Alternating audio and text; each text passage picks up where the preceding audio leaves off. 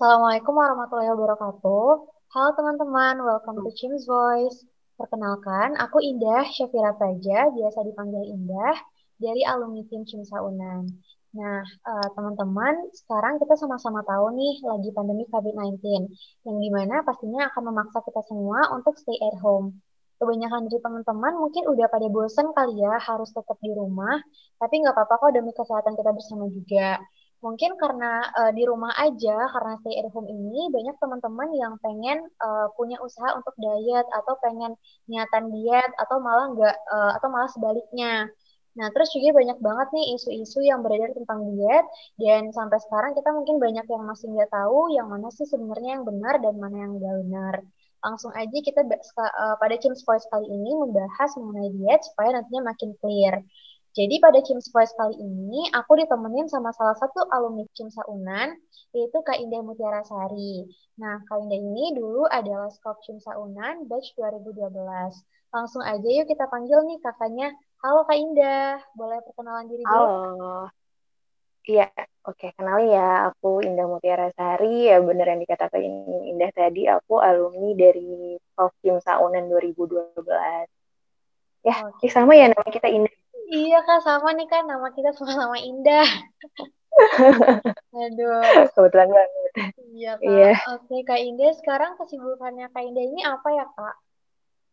Uh, kesibukan sekarang ya, aku masih di rumah aja sih. Kemarin sempat kerja di salah satu rumah sakit swasta di Padang. Cuman karena satu dan lain hal aku resign, jadi sekarang aku di rumah aja gitu. Oh gitu kak. Oke kak Indah. Eh Um, mungkin pada yeah. Kim's Voice kali ini kita bakal membahas mengenai mitos dan fakta seputar diet nih Kak. Mungkin Kak Indah yeah, boleh banget sharing-sharing informasi terkait diet. Kita langsung masuk aja kali ya Kak? Boleh, boleh deh. Oke Kak, jadi untuk yang pertama itu Kak, uh, karbohidrat itu bisa membuat kita menjadi gemuk Kak. Itu masuk mitos atau fakta sih Kak? Aduh, ini mitos apa fakta ya? uh, ini mitos sih, tapi bisa bisa jadi fakta. Nah, itu tergantung dari porsi karbohidratnya yang kita makan. Kalau seandainya porsi karbohidrat yang kita makan itu jumlahnya mencukupi kebutuhan tubuh dalam artian sesuai ya sama aktivitas fisik yang kita lakukan gitu. Nah, itu nggak akan bikin kita gemuk. Kita tahu kan kira-kira tubuh itu butuh sekitar 70-80% jumlah karbohidrat kalau seandainya kita makan karbohidrat dalam porsi yang banyak, itu tubuh justru akan menyimpannya dalam bentuk lemak. Nah, inilah yang nanti akan menjadi fakta kalau seandainya kita makan karbohidrat nggak sesuai dengan kebutuhan tubuh kita. Nah, kelebihan lemak inilah yang nantinya akan bikin tubuh kita jadi gemuk. Itu sih menurut aku ya. Menurut okay, teori-teori yang ada. Setuju nggak? Berarti tergantung porsi dari karbohidratnya ya, Kak? Nah, iya benar-benar. Oke, okay, Kak. Terus selanjutnya, Kak, Uh, kalau kita uh, makan setelah jam 6 atau jam 7 malam itu dapat menaikkan berat badan, itu mitos atau fakta sih, Kak? Hmm, mitos. Tapi lagi-lagi ini bisa keduanya, bisa mitos, bisa fakta, tergantung tadi sama sama jumlah kalori yang kita makan, terus sama tergantung dari tidurnya kita jam berapa.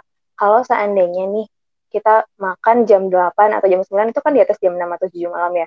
Tapi tidurnya jam 12 ya itu nggak akan menyebabkan peningkatan berat badan gitu. Karena biasanya habis makan kita ada aktivitas kan kayak misalnya belajar atau ngelakuin aktivitas fisik yang lain. Nah itu karbohidrat yang udah kita makan tadi kan dicerna sama tubuh menghasilkan glukosa.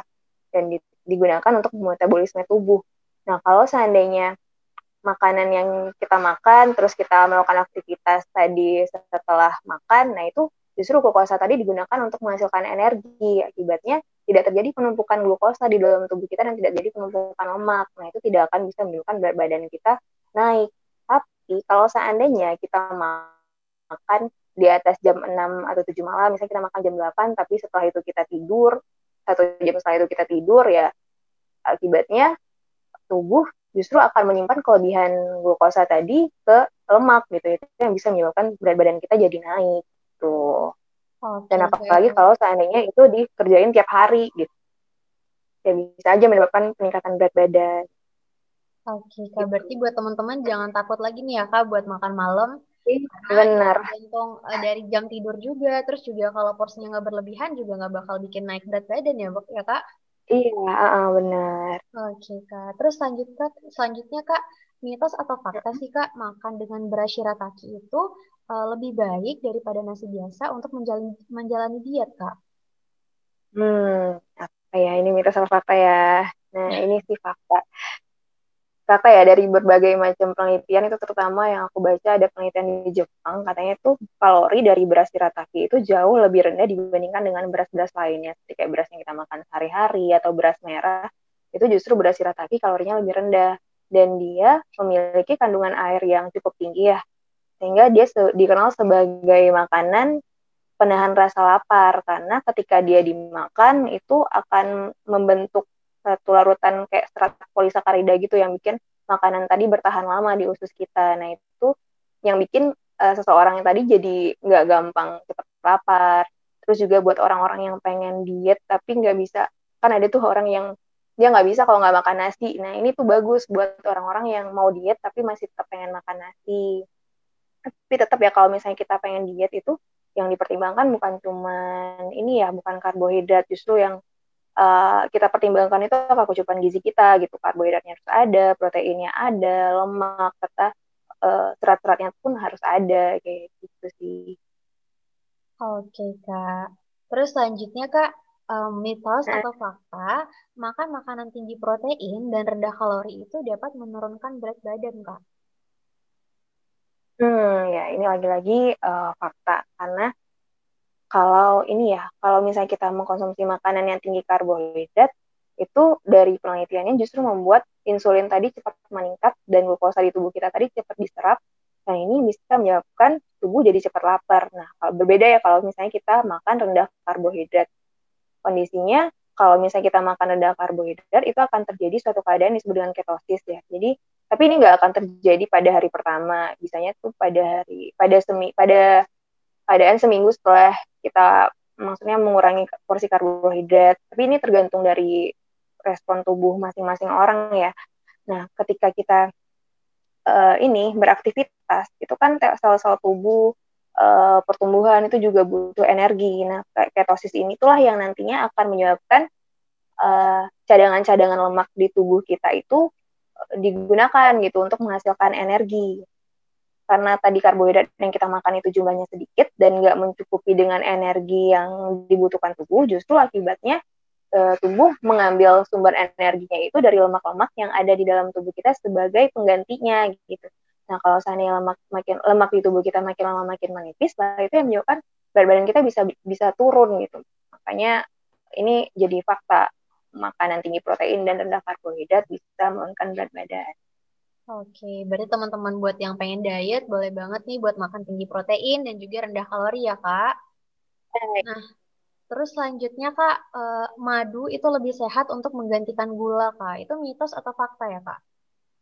Oh iya, uh, ini fakta ya, karena aku baca ada penelitian di Dubai yang membandingkan efek dan perbedaan penggunaan madu dan gula pasir terhadap kadar gula darah di tubuh orang yang normal. Nah, dari hasil penelitian tersebut itu didapatkan bahwa 75 gram madu itu meningkatkan gula darah dan insulin pada orang normal dalam waktu 30 menit.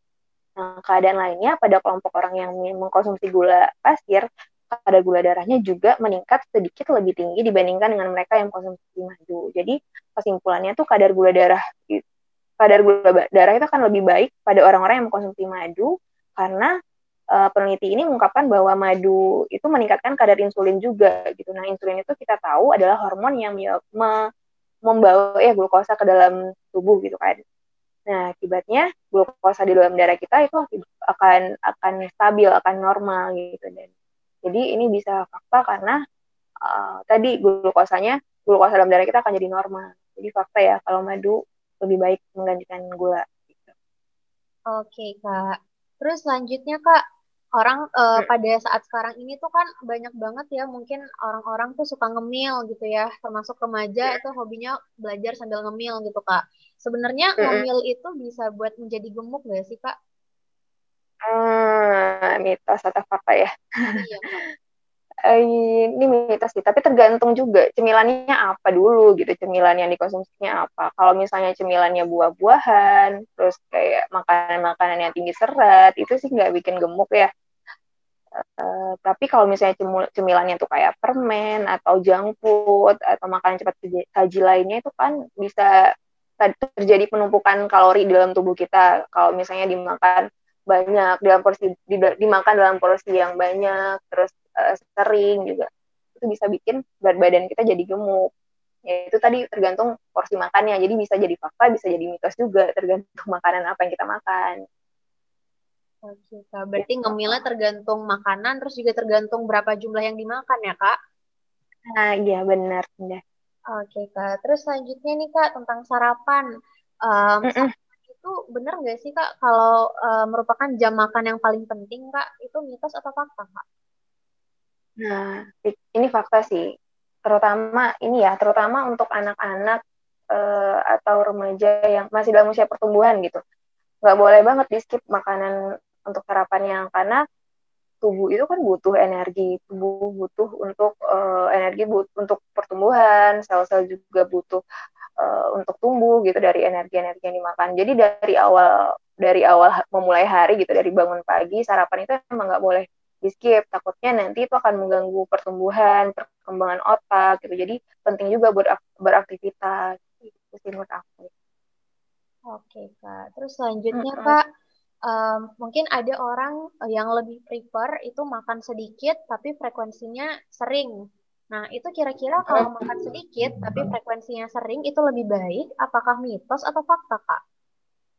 Hmm, fakta. Nah, ya dibandingkan kita makan cuma satu kali sehari ya, karena ini uh, untuk orang yang diet terutama ya, itu lebih baik makan porsi sedikit tapi sering.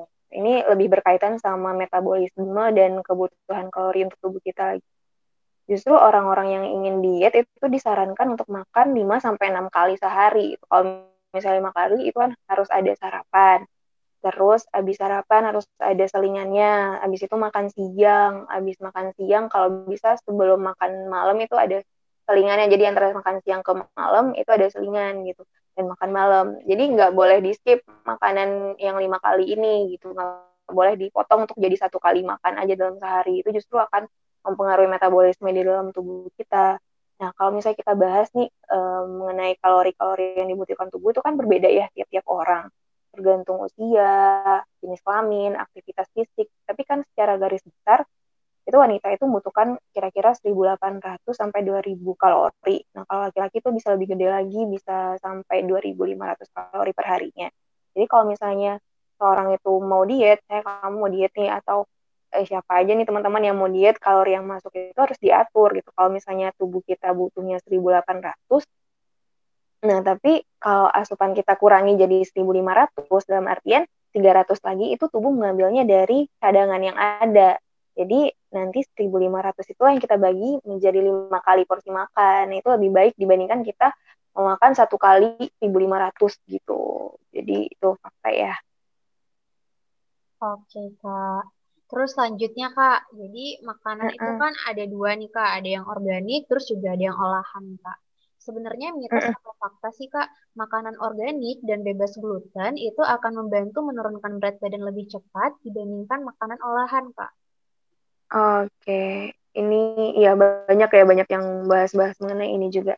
Ini mitos sih karena uh, gluten itu sendiri kan senyawa protein yang bisa ditemukan di hampir semua jenis biji-bijian ya. Senyawa itu memiliki kandungan proteinnya sekitar uh, 90%, diikuti sama kandungan lemak dan dan karbohidrat gitu. Justru itu di negara-negara barat itu berbagai makan berbagai macam makanan itu mengandung protein yang menjadi menu favorit masyarakatnya ya kayak roti atau kue gitu. Nah, konsumsi makanan bebas gluten itu nggak akan berpengaruh, belum ada nggak akan berpengaruh terhadap penurunan berat badan. Justru sebenarnya uh, untuk mempengaruhi yang mempengaruhi penurunan berat badan itu lebih ke kita mengkonsumsi makanan yang rendah kalori gitu dibandingkan dengan uh, bebas gluten kayak gitu. Oke kak.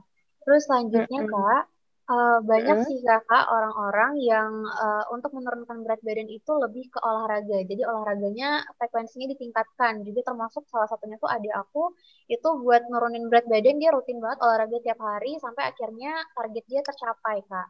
Sebenarnya uh -uh. Fakta sih kak olahraga yang berat itu dapat menurunkan berat badan kak.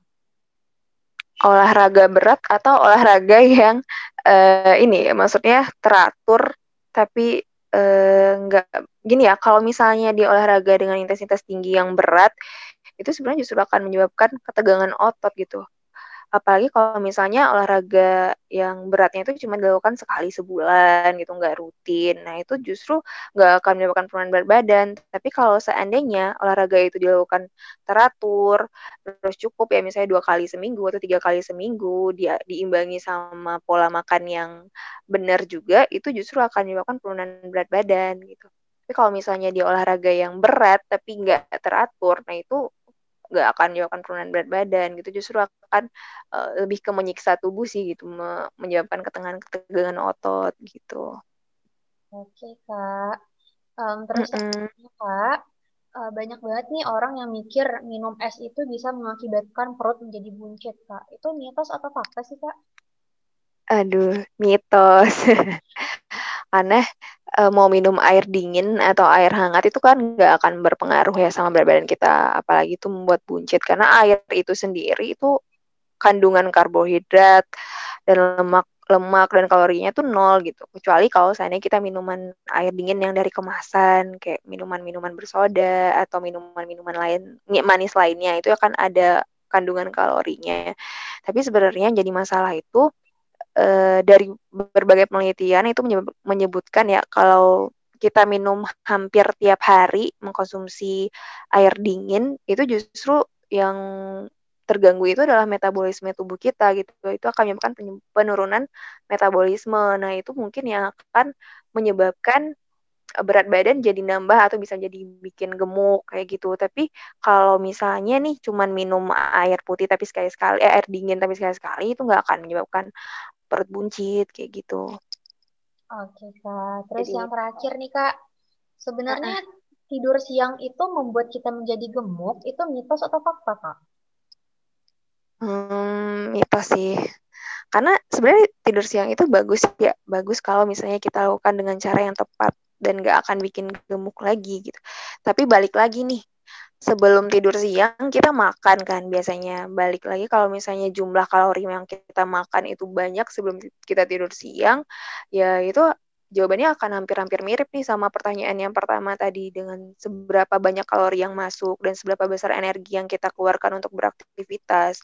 Kalau misalnya banyak makan siangnya, apalagi nggak nggak sarapan, terus makan siangnya di di ini ya dirangkap jadi makan ini kayak brunch gitu. Nah, itu bisa menyebabkan berat badan justru akan meningkat ketika kita tidak melakukan aktivitas apa-apa gitu. Setelah kita makan nggak ada olahraga yang teratur juga gitu. Nah itu akan menyebabkan penumpukan lemak-lemak di tubuh yang pada akhirnya juga bikin kita gemuk.